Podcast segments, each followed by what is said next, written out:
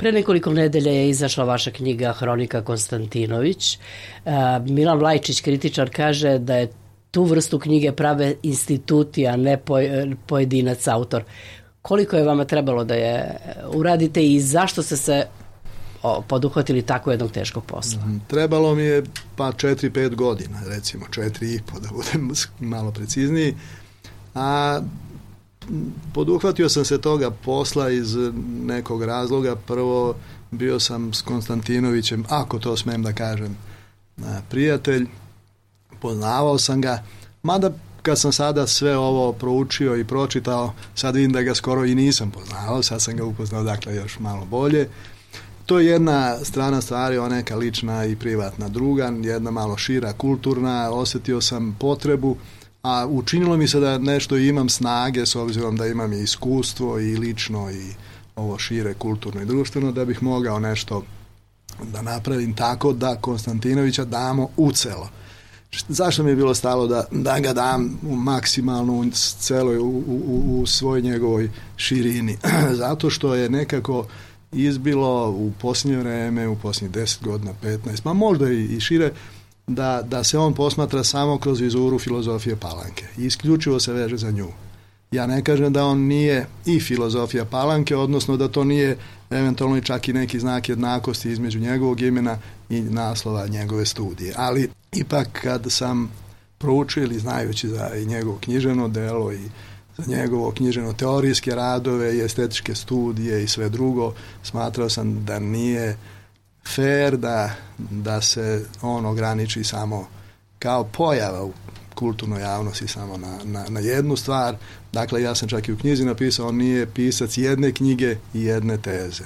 Kakvih e, reakcija je bilo i da li je uopšte bilo, kako je dočekana ta knjiga, s obzirom da, evo, pomenuli ste knjigu Filozofija Palanke, ta knjiga svojevremeno izazvala e, velike polemike i burne reakcije za jedne je bila Biblija savremena, za druge e, je bila e, dogmatska knjiga e, a, antisrpska baltene. Da, da, i danas ona naravno izaziva oprečne reakcije i mm, on prilike ona ima neka do sada svoja dva života, jedan kad se 69. pojavila, pa onda neposredno posle toga, a onda posle raspada Jugoslavije i ratova kada je ona ponovo izbila u javnosti na neki način se kako je doživljavala kao nešto anticipatorsko, kao da je Konstantinović e, prozreo budućnost ili proročki video šta će se dogoditi i na osnovu čega, na osnovu jedne patriarhalne civilizacije koja je koja se tu pokazala svoje varvarstvo. Ja očekujem da će se o njoj duže razgovarati. Tako očekujem. Mislim, voleo bi, priželjkivao bi, ne znam, možda sam pretenciozan, možda prepotentan, ali računam da će na jesen kad se ona pročita, pa tokom godine, pa ovdje očekujem da će se možda razgovarati i napolju, ima nekih indicija i tako. Prešao se na ti, pošto se dugo znamo, ovaj, preći ću i ja na ti sa ovog eh, formalnog eh, jezika. Latinka Perović je rekla za Konstantinovićevu filozofiju Palanke, ja bih se ipak zadržala dosta na toj knjizi, da je to knjiga sa tajnom šifrom naše sudbine. Da li je ona tako prepoznata i kako je moguće da u 60. godinama kada je jugoslovensko tadašnje društvo pa i srpsko izgledalo prilično idilično da se anticipira priča o, o srpskom nacionalizmu koji vodi u nacizam. Da, to mislim da si, e, izvini, jako dobro primetila i ja sam ga prateći ono što je on pisao i kako se javljao recimo 60-ih pa sve tamo do 70. do Hrvatskog proljeća i do sloma srpskih liberala, e, on je neprestano ukazivao a da se to možda nekome činilo kao neka vrsta društvene paranoje, ali nije bila društvena paranoja, nego očigledno bila društvena prognoza, da, da, da je on neprekidno oštro ukazivao na nacionalizam, da on negde, da se nešto iza brda valja i da to može skupo da nas košta. E, naročito još kad se pojavio predlog za razmišljanje u Hrvatskoj, pa kad je odavde došla, otišla reakcija ili došla reakcija na to, i kasnije Hrvatsko proljeće i tako, on je recimo izazivao direktno u jednome intervju ili članku Petra, u intervju Petra Šegedina da se i on javi sa nečim sličnim e, kao što je i njegova filozofija Palanke, očekujući da svako nešto treba da kaže o sebi, da smo dužni da kažemo, ako nismo rekli o sebi, kaže on, nismo rekli ništa. Među, I on je to očekivao, recimo, eto, spominjem ponovo Šegedina, da, zato što je Šegedin bio kležijanac i tako dalje, ali naproti dobio jednu knjigu, drugu sa te strane, koja nije bila adekvatna ovome naporu koji je on u to uložio. Da ne zaboravimo Latinku, e, ona je, ona, ona ima to stanovište i ono kad sam malo, malo čas rekao da se često stavlja znak jednakosti između Radomir Konstantinović, jednako je filozofija Palanke. E, mislim, ako smem da, da je interpretiram, da je jedna, ona jedna od, od tih koji to tako misle i govore, odnosno daju e, e, izuzetan značaj filozofije Palanke u njegovome opusu. Konstantinović se angažovao u 90. godinama u Beogradskom krugu i u sesijama takozvane druge Srbije. Međutim, on je i krajem 90.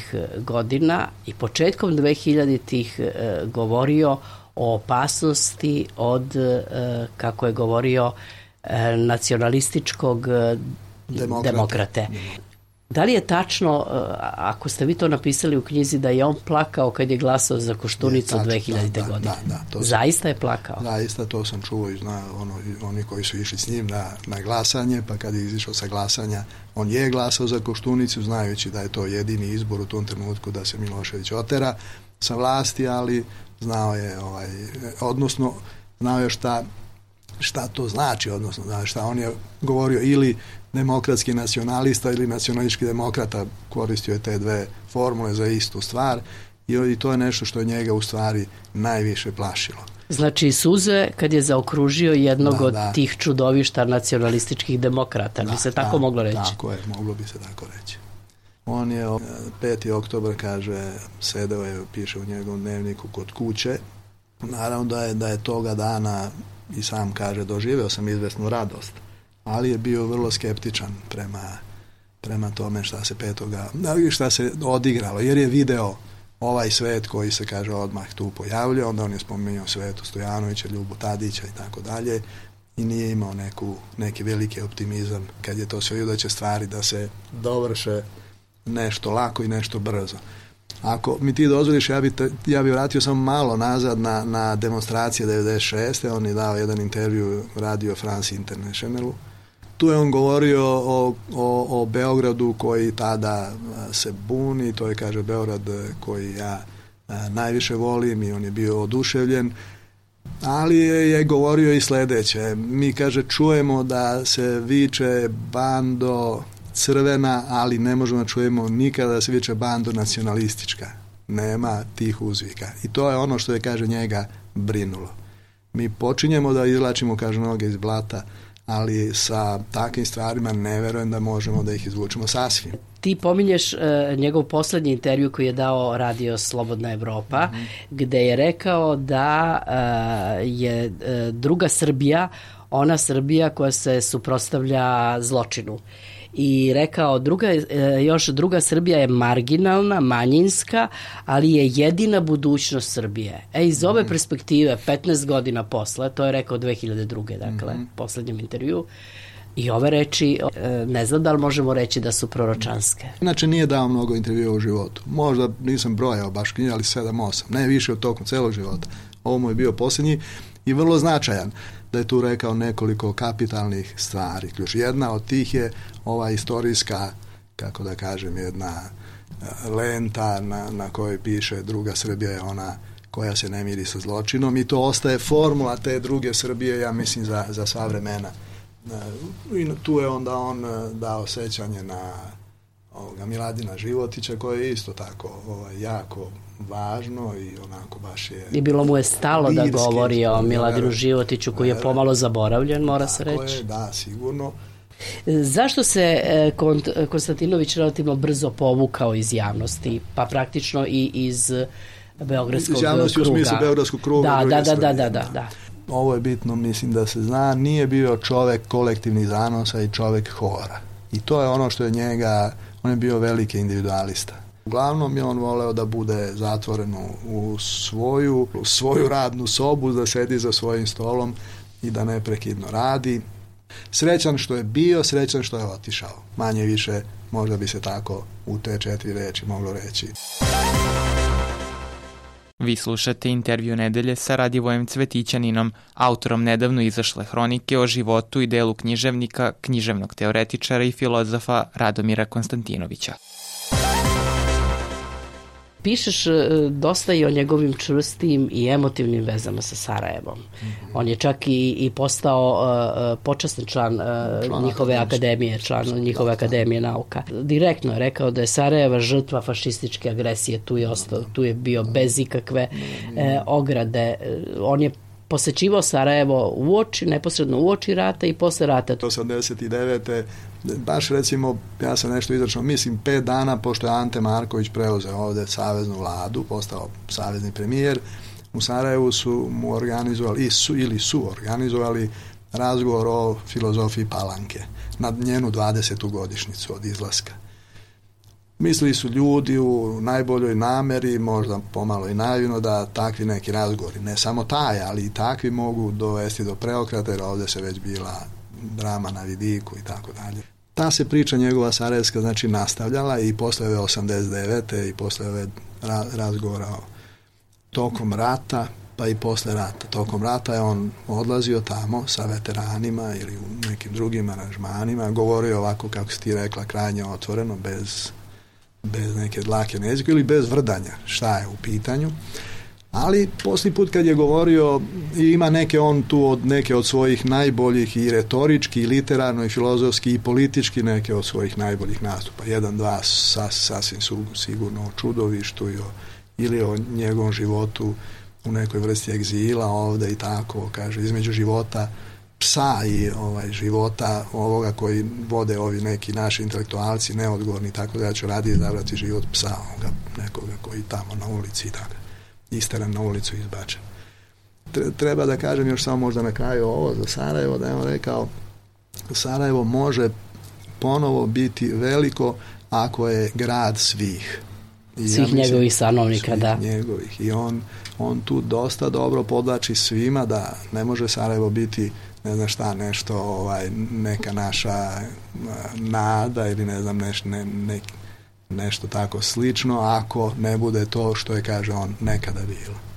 Zanimljivo je da Konstantinović je ispraćao mnoge svoje prijatelje 90. godina koji su odlazili iz Beograda, mm. Boru Ćosića, Mirka Kovača, Bogdana Bogdanovića i tako dalje, a sam se odlučio da ostane da, ima nešto u tu. Beogradu, iako je pred kraj života rekao ja sam uh, emigrant, emigrant da, u svojoj zemlji. Da, on je tako, ima kod njega nekoga, rekao bih, malo, nisam sasvim siguran ovo što govorim, ali recimo da, da mislim da je to otprilike nešto tako, nekog starostavnog rodoljublja koje je on primio od e, svoga oca.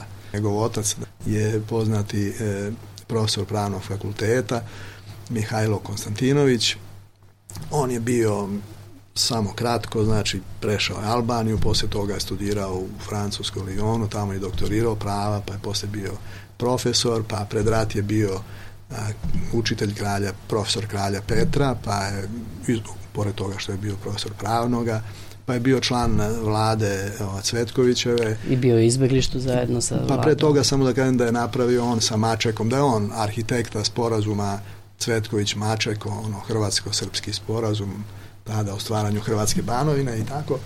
Posle toga je on ovoga, nije ušao, on je dao ostavku kad je vlada Cvetkovićeva a, a, prišla ovome Hitlerovom paktu, ali dao je ostavku, ali nije ušao u novu pučističku Simoviću vladu, a svejedno kad je rat počeo on je izbegao sa vladom i, i bio e, toliko o Mihajlu malo možda čak i šire nego nego što trebao, htio sam samo da kažem da iz te neke, nekakve tradicije možda proizlazi i ovo malo Radomirovo to što sam ja naz, nazvao starinskim možda nekim rodoljubljem što može da čudi ljude on je ovako izraziti nepokolebljivi i jasan antinacionalista.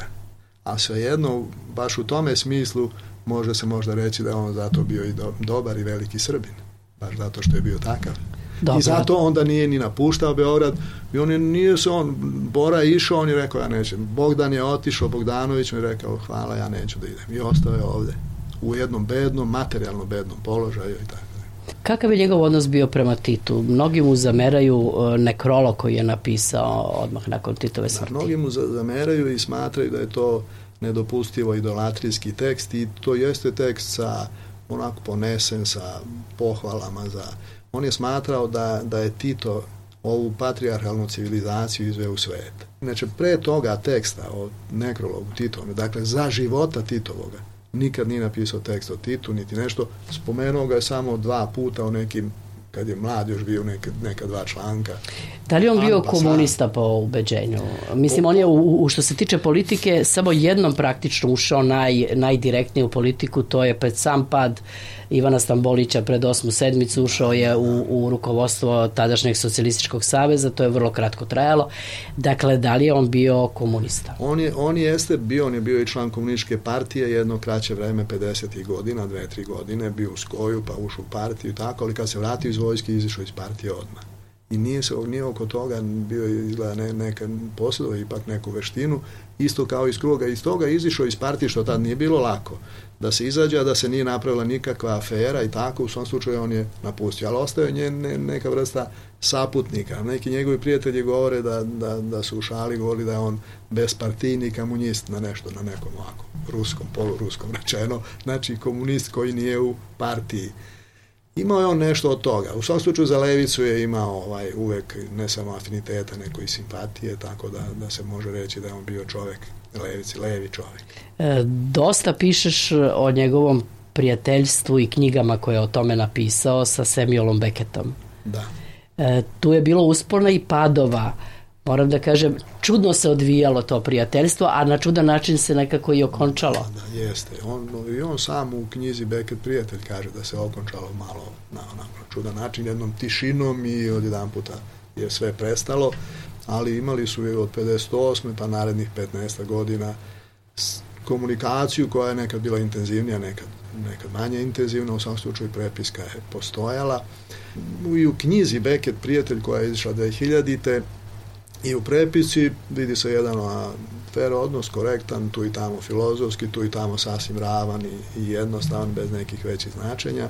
Međutim, u dnevnicima njegovim, u Radomirovim dnevnicima koje je vodio oko 2000. i tu kad je pisao, baš kad je radio na Beketu, znao je u dva, tri navrata da, da mu onako o, da malo slomi pero i na svojim prijateljima, zamerajući mu autoritarnost, e, za neku vrstu zatvornosti, da pravi samo od sebe zvezu i tako, tako da je malo sa svoga idola skidao bakar. Ono, Dobro, to je poznato, da. u knjizi se vidi da je takav imao stavi prema svojim prijateljima, nije i baš štedeo uvek. To je... Se on sedi sa, sa Ivanom Stambulićem, sa Galovićem, sa ne znam, Špirom, sa drugima, tako skoro svako veče, a vrati se u dnevnik, zapiše, razgovarali, banalno. Da ne budemo nepravedni prema knjizi u kojoj zapravo e, što se ne, ne bi dalo zaključiti iz ovog našeg razgovora dve trećine te velike knjige od 800 stranica je posveđeno Konstantinoviću piscu i Konstantinoviću teoretičaru književnosti on je teško se probio kao pisac i, i, i mnogi ga nisu priznavali. Smatrali su da je njegova književnost e, vrlo zatvorena, da ne korespondira sa čitaocima u najmanju ruku. Da, da li je on danas razumljiviji On bi danas naravno mogao e, biti ovaj apsolutno lako razumljiv posle celoga iskustva moderne literature, drugi, medija, drugih, e, danas posle spotova, posle svega toga njegov, njegovi eksperimenti ili eksperimentalni romani, ja mislim sada da su mači kašalj, da se mogu čitati kao jednostavna realistička literatura. Možda to u vreme kad se pojavilo, bilo malo čudo, kao što je bio Joyce čudo, kao što je Beckett bio čudo, pa i onda i on ali eto svejedno. Danas bi on, mislim, mogao i, i, i trebalo bi ga da, da ga, mogle bi ga, ja mislim, mlađe generacije čitati sa lakoćom, eto to. I na kraju tebi kao autoru knjige, a i prijatelju Radomira Konstantinovića, da li ti je on bliži i draži kao pisac, filozof ili teoretičar? Meni je sada, posle svega, najbliži kao pisac. On je dao njegov, recimo, prvi roman, Daj nam danas je nešto izuzetno, njegov posljednji, recimo tako, roman, neko kaže da je to filozofski esej, ali sve, uzmimo ga, proza, Dekartova, Dekartova smrt. smrt, to je takođe, ja mislim, nisu ovo velike reči, čuvam se naravno velikih reči, da, jer on, on ne bi voleo da, da čuje o sebi nešto ovako, da, da nešto galemimo na, na sva usta, ali hoću kažem, to su remek dela, književnost. A remek dela su i neke manje forme koje on radio o našim piscima, klasičnim, realistima, o Lazi Lazarević, na primjer, pa onda o Dositeju, pa o Vuku i tako da, to, o Skerliću. Mislim da to, to su radovi koje niko, nikad o tim ljudima nije kod nas u našoj književnosti napisao. Da li sve u svemu uh, delo Radomira Konstantinovića je na čekanju da se prevrednuje? To će biti proces glavno je, mislim da je on, da je on živ. Možda čak življi sada nego, nego, nego ikada u, šta ja znam, u posljednjih deceniju, deceniju i po. Ali u ovom trenutku ja moram reći, nije loše da se sećamo Konstantinovića i njegove reči o srpskom nacionalizmu. Da to nikada ne prestaje da, da, da zvuči ovim prostorom. Zbilja, on je bio tu bez kompromisa i bio jasan, kao što si citirala si onako možda dve, tri njegove neke rečenice u vezi sa fašizmom srpskim i ono to je tu on nema, nije imao dilema, niti, niti bi ja verujem sada povukao jednu retan svoju reč.